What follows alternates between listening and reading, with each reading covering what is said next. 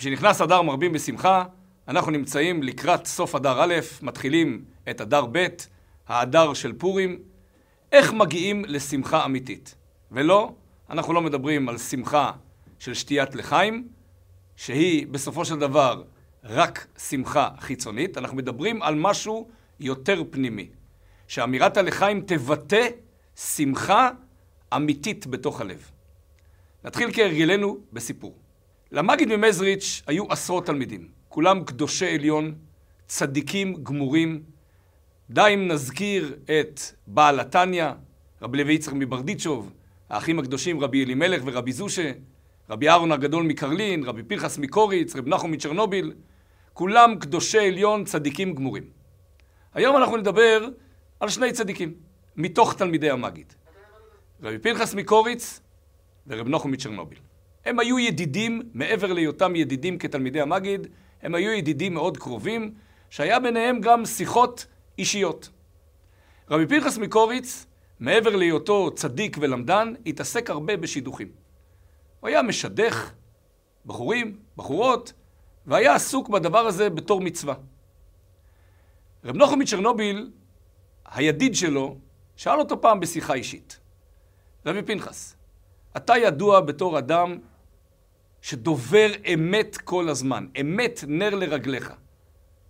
איך יכול להיות שאדם כמוך, שדובר אמת ומתרחק משקר כל כך, איך יכול להיות שאתה מתעסק בשידוכים? הבריות אומרות ששדכן זה ראשי תיבות שקר דובר, כסף נוטל.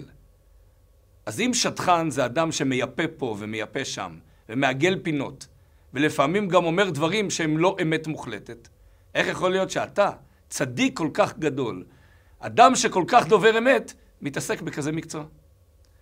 ענה רבי פנחס מקוריץ לרב נחום מצ'רנוביל.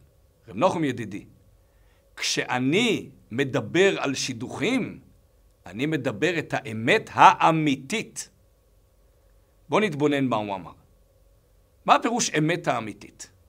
כשרבי פנחס מסתכל על בן אדם, הוא לא רואה את החיצוניות שלו. הוא רואה משהו שלפעמים האדם עצמו לא רואה על עצמו.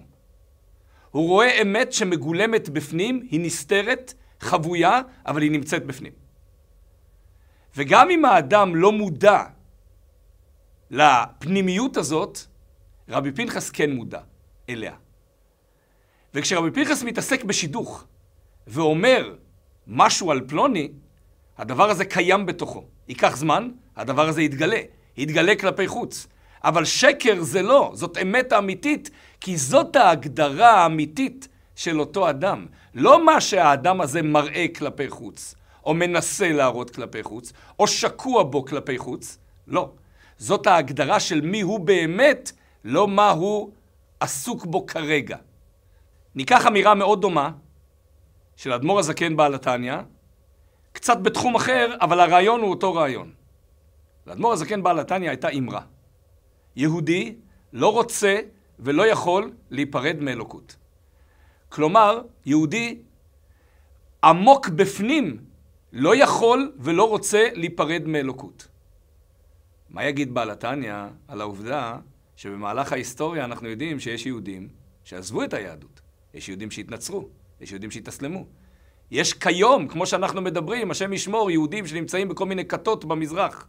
מה איתם? גם לא רוצים ולא יכולים להיפרד מאלוקות? התשובה היא כן. כן. כי בפנימיות הם לא רוצים ולא יכולים. א', הם לא יכולים. כי למעשה אי אפשר להיפרד מהקדוש ברוך הוא, ואתה לא יכול להכריז על זה שאתה לא יהודי. כי יהדות זה לא משהו שאתה קונה או מוכר, זה לא משהו שהוא באחריות שלך, זה משהו עמוק, פנימי, שורשי. אתה בן לאברהם, יצחק ויעקב, אתה בן של הקדוש ברוך הוא, או כמו שהבעל שם טוב הגדיר את זה, שהקדוש ברוך הוא אוהב כל יהודי, כל יהודי, כמו בן שנולד להורים זקנים לעת זקנתם. אז זה לא משהו שאתה יכול להחליף אותו. זה לא משהו שאתה יכול להמיר אותו. לכן אתה לא יכול לא להיות יהודי. אבל אתה גם לא רוצה. מה זאת אומרת? ואם אני אומר לך שאני כן רוצה, לא. מה שאתה אומר לי זה חיצוניות.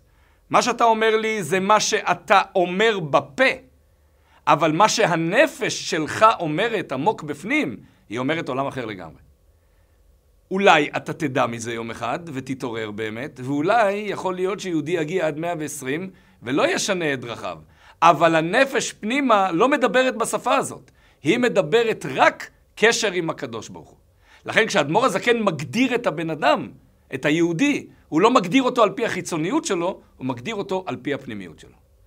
עכשיו אנחנו נחשוב איך האמרות האלה מגיעות ומביאות לידי שמחה.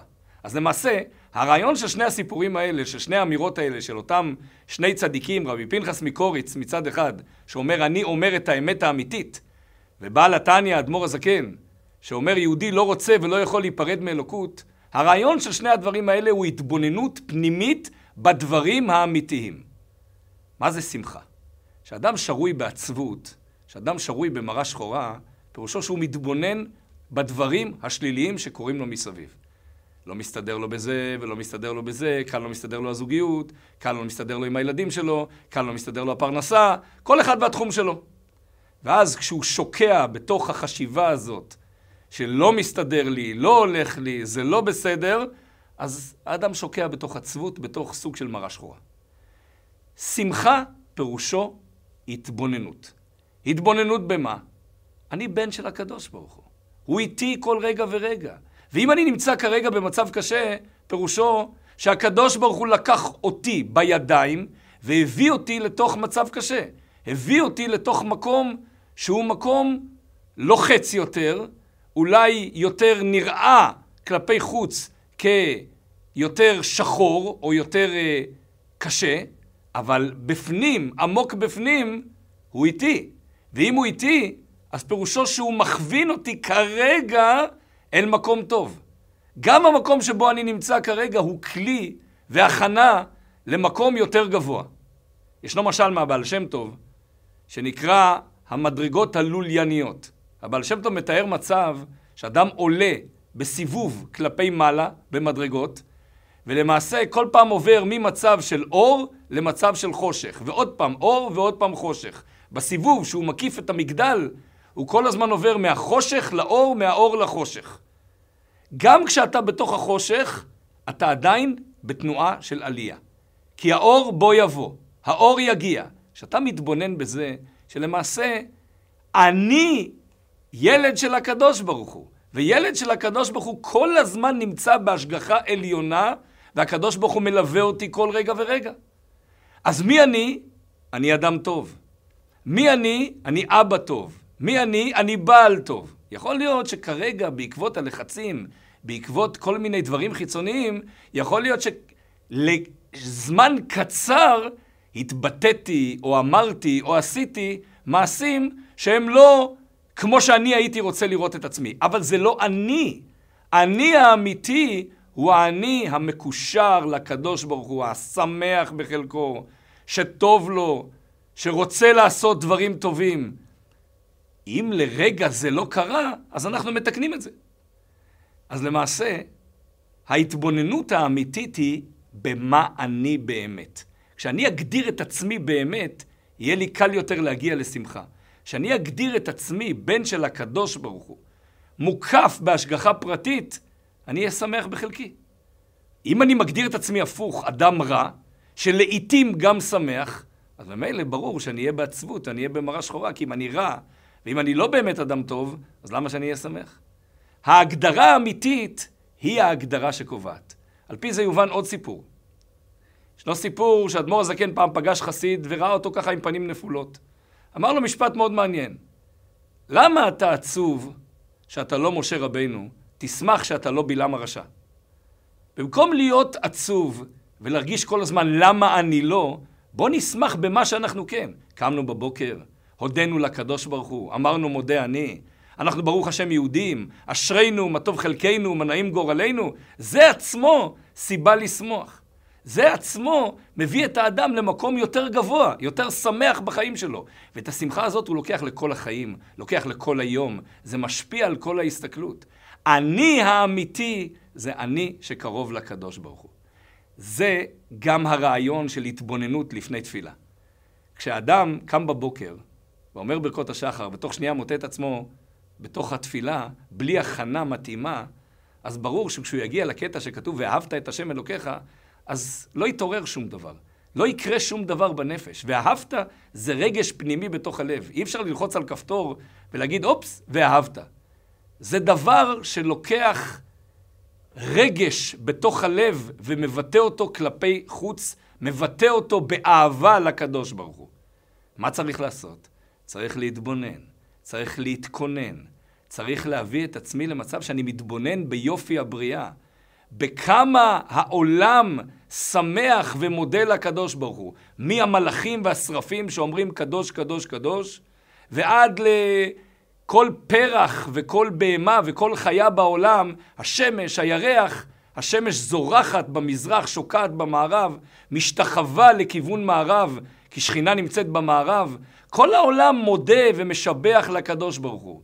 אז, בהתבוננות הזאת, אני באמת מגיע לידי אהבה, כי אני התבוננתי בדברים הנכונים. לא יצויר שאת אותו זמן שהתבוננתי בדברים הנכונים, הייתי מתבונן בדברים שקשורים אליי, שקשורים ל- לעצמי, אז במקום להגיד ואהבת את השם אלוקיך, היה יוצא לי ואהבת את עצמך.